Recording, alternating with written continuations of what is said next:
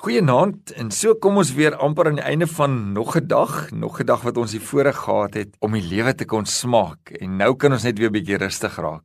Sommers so met die wete dat Christus lewe en dis deur sy genade en sy guns dat ek en jy die voorreg het om nog steeds asem te kan haal en sy lof te kan besing. 'n Mens hoef nie bang te wees vir die lewe nie. Glo dat die lewe die moeite werd is en hierdie oortuiging sal vir jou wêreld skep wat die werd is om in te leef vind te woon. Die lewe hoef nie altyd maklik te wees om regtig vrede te ervaar en vrede in jou lewe te hê nie, want ware blydskap beteken nie die afwesigheid van probleme in ons lewe nie, maar dit beteken dat God aanwesig is.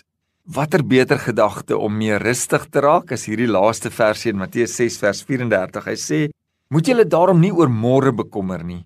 Môre sal sy eie bekommernis bring. Vandag se moeilikheid is vir een dag heeltemal genoeg."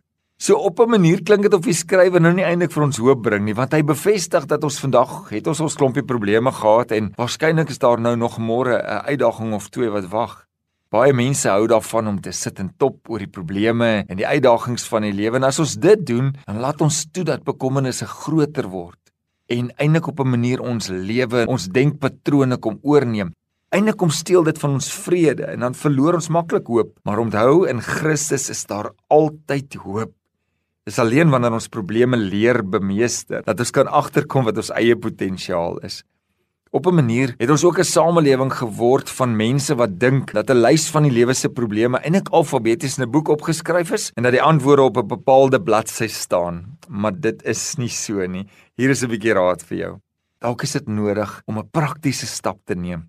Skryf 'n bietjie die dinge neer wat jou pla en wat jou bekommer maak en bid dan daaroor.